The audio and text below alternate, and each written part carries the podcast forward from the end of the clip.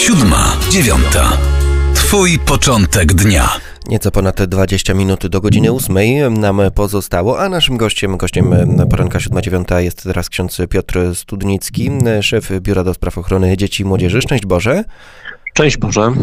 Porozmawiamy o konferencji, która wczoraj miała miejsce, budowanie systemu ochrony małoletnich i bezbronnych w Kościele w Polsce, bilans i perspektywy. Dużo wątków na tej konferencji było poruszonych. Zacznijmy może od tego jednego słowa od bilansu tego, jak te działania dotychczas przebiegały, co udało się osiągnąć, co udało się wypracować, co udało się tak naprawdę ustalić. No rzeczywiście bardzo wiele tematów podjęliśmy podczas wczorajszej konferencji. Staraliśmy się podsumować te najważniejsze działania Kościoła w Polsce, w, które, które, które udało się no, w zeszłym roku wykonać.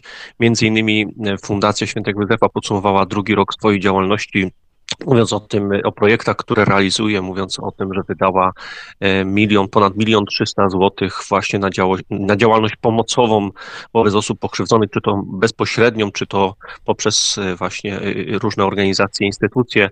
Mówiliśmy o współpracy międzynarodowej, którą rozpoczęliśmy w zeszłym roku dużą konferencją międzynarodową w Warszawie we wrześniu i ona jest kontynuowana. Chcemy jako Kościół w Polsce wspierać te wszystkie kościoły Europy Środkowo-Wschodniej właśnie w ochronie osób małoletnich, ale także mówiliśmy o bardzo ważnych takich nowych projektach, które rozpoczęliśmy w zeszłym roku, między innymi projekt dotyczący prewencji w szkołach katolickich. To jest rzecz zupełnie nowa, pionierska, jeśli chodzi o, o Polskę. Przecież takich systemów prewencji nie ma w szkołach państwowych, a my jako Kościół rozpoczynamy takie projekty właśnie w szkołach katolickich. To jest ponad 500 ośrodków edukacyjnych.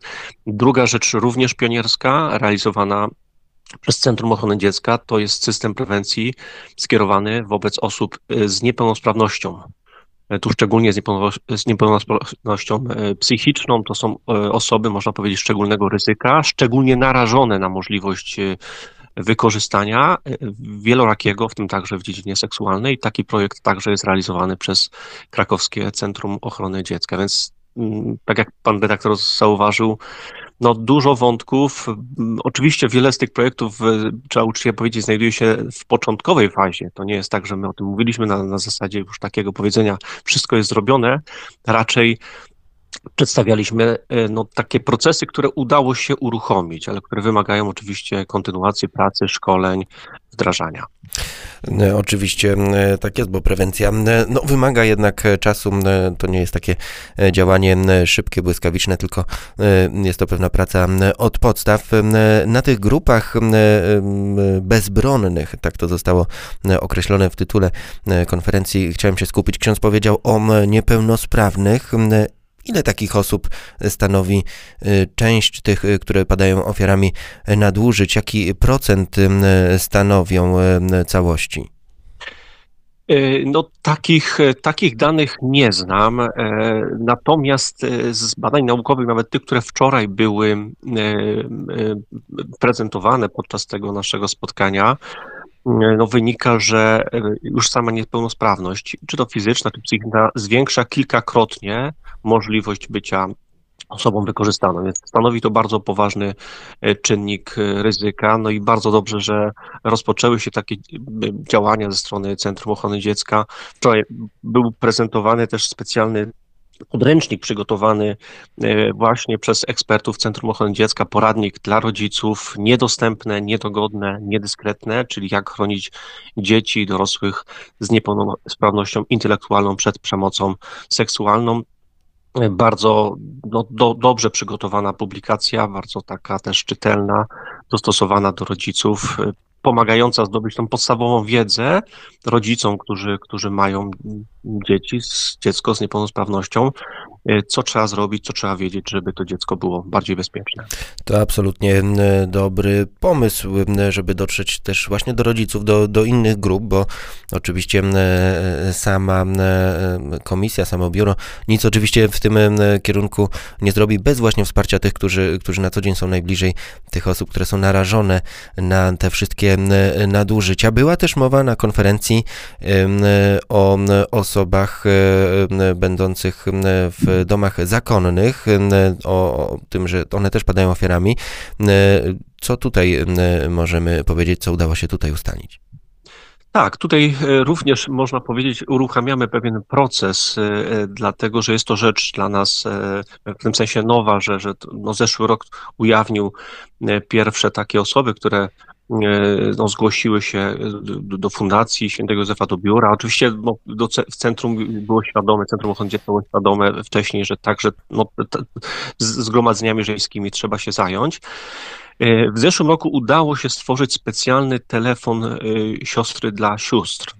To jest telefon zaufania prowadzony przez e, siostry zakonne, oczywiście nieprzypadkowe, to są siostry wykształcone w dziedzinie psychologii, pedagogiki czy też prewencji właśnie wykorzystania seksualnego.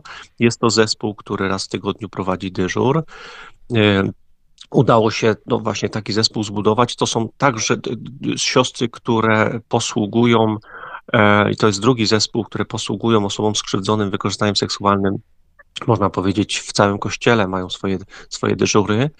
E, te, te, te, te telefony są dostępne na stronie zgłoś krzywda www.ecom.pl, e, więc jakby zaczynamy mierzyć się z problemem, o którym mało wiemy. To wczoraj też siostra odpowiedzialna za ten telefon podkreślała, wiemy, że on jest. Wiemy, że takie siostry skrzywdzone w różny sposób w zgromadzeniach zakonnych są.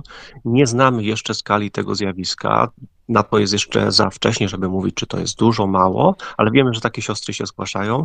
No i chcemy jako Kościół wyjść temu naprzeciw. Chcemy po pierwsze wysłuchać, bo od tego się zaczyna tak naprawdę możliwość pomocy, bo są to rzeczy nieraz przestępcze, a są to nieraz rzeczy, które po prostu wymagają reakcji, w reakcji przełożonych zmiany, czy jakiejś innej formy pomocy, ale no wszystko się zaczyna od tego, że ktoś uczciwie wysłucha e, historii takiej osoby identyfikacja tych wszystkich płaszczyzn, sfer, w których no, można, mogą się pojawić takie problemy, e, to y, można powiedzieć pewien bilans, ale są też pewne e, wyzwania. O nich była mowa na konferencji. Takim wyzwaniem, na które zwraca uwagę profesor Michał Królikowski, jest chociażby współpraca Kościoła z organami państwa.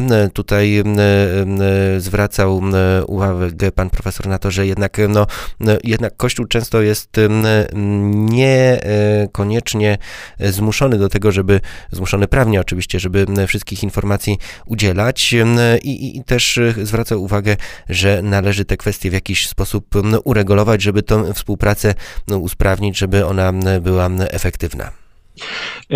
E, tak, rzeczywiście pan profesor Michał Królikowski omawiał kwestię współpracy Kościoła z, z organami państwowymi i tutaj podkreślmy dwie rzeczy. Znaczy, czym innym jest współpraca z organami ścigania, takimi jak policją, prokuraturą e, i tutaj jesteśmy absolutnie zobowiązani prawnie do współpracy, prawda? Jest na przykład prawo karne, które no, nakazuje każdej osobie, która wie o możliwości popełnienia przestępstwa, żeby no, dokonała denuncji i to mogę zagwarantować, o tym też pan profesor mówił na stan jego wiedzy, to się dzieje, to tutaj nie ma już żadnych dzisiaj wątpliwości, że nie wiem, Kościół czy ktoś przełożony kościelny, no takich, takie informacje zataja, ukrywa, nie przekazuje organom ścigania policji czy prokuraturze. Na tym poziomie jakby współpraca jest, e, współpraca następuje też na poziomie takiego wstępnego dochodzenia, kiedy trzeba przekazać podstawowe dokumenty, które zostały zgromadzone przez Kościół. Natomiast trudność y, taka poważna, która, która, która się rodzi, y, na, którą widać i którą jakoś jasno opisał pan profesor y, Królikowski, dotyczy relacji czy współpracy z Państwową Komisją do Spraw Pedofilii. To jest instytucja, która no nie jest organem ścigania, nie jest sądem, nie jest prokuraturą, natomiast ma uprawnienia czy zadanie badać, jak instytucje, w tym także Kościół, y, mierzą się z problemem wykorzystania seksualnego. No i w związku z tym zwróciła się do Kościoła w zeszłym roku o udostępnienie wszystkich akt postępowań kościelnych. No, odpowiedź Kościoła była taka, że i, i zostało to zresztą potwierdzone przez Stolicę Apostolską, że te akta gromadzone tutaj, co prawda, właśnie w, w Polsce, ale potem wysyłane do Stolicy Apostolskiej, nie są własnością biskupa, czy też przełożonego zakonnego, ale są własnością Stolicy Apostolskiej, bo to na zlecenie Stolicy Apostolskiej prowadzi się takie postępowanie. I, i to zresztą o tym została poinformowana Państwa Komisja, gdyby chciała mieć dostęp do takich akt, powinna zwracać się drogą dyplomatyczną do stolicy apostolskiej. Więc tu rzeczywiście mamy do czynienia z pewną, z pewnym napięciem, z pewną trudnością, e, no, która, która być może wymaga no, dalszych, dalszych rozmów tutaj ze strony Kościoła i co, co może zrobić i ze strony oczywiście też Państwowej Komisji, co można zrobić, żeby ta współpraca wyglądała inaczej, czy, czy jest możliwa jakaś zmiana. Natomiast ja podkreślam po raz któryś, to nie jest jedyna możliwość współpracy z Państwową Komisją. Myśmy taką, e, takie płaszczyzny możliwej współpracy już Państwowej Komisji zarysowali. Jest na pewno możliwość współpracy, jeśli chodzi o badania statystyczne. Kościół takie badania prowadzi. W marcu będziemy mieć e, kolejną informację dotyczącą no, podsumowania zeszłego roku, ile takich spraw zostało zgłoszonych Kościołowi, jakie to były sprawy, ile osób e, skrzywdzonych zgłosiło się do Kościoła. To już będzie trzecia taka kwerenda przeprowadzana przez Kościół. Mamy już w tym pewne doświadczenie i jesteśmy gotowi na współpracę w takim zakresie. I druga rzecz bardzo ważna, właśnie te wszystkie programy prewencyjne. No, Kościół je rozpoczyna, dotyczą one szkół, dotyczą one ośrodków dla osób z niepełnosprawnością. No, bardzo by nam zależało na tym, żeby, żeby to no żeby się to, mm, można powiedzieć, też przeniosło na, na działania poza instytucji, instytucji pozakościelnych, dlatego że chodzi nam ostatecznie o dziecko w każdym środowisku, w którym ono się znajduje. I na tym e, moglibyśmy zakończyć. Ja jeszcze tylko e, dodam, e, że nasz gość mówił dużo o aspekcie, który w tej sprawie też jest absolutnie ważny, mianowicie o modlitwie i do takiej modlitwy 4 marca w pierwszy piątek Wielkiego Postu zachęcamy. Wówczas Kościół będzie przeżywał Dzień Modlitwy i pokuty za grzech wykorzystania seksualnego małoletnich. O tym także była mowa i, i, i o tym aspekcie Państwu przypominamy. Nie wolno o nim zapominać. Nasz Naszym gościem był ksiądz Piotr Studnicki, szef Biura do Spraw Ochrony e, Dzieci i Młodzieży. E, bardzo dziękujemy, pozdrawiamy, szczęść Boże. Dziękuję, szczęść Boże. Siódma, dziewiąta. Twój początek dnia.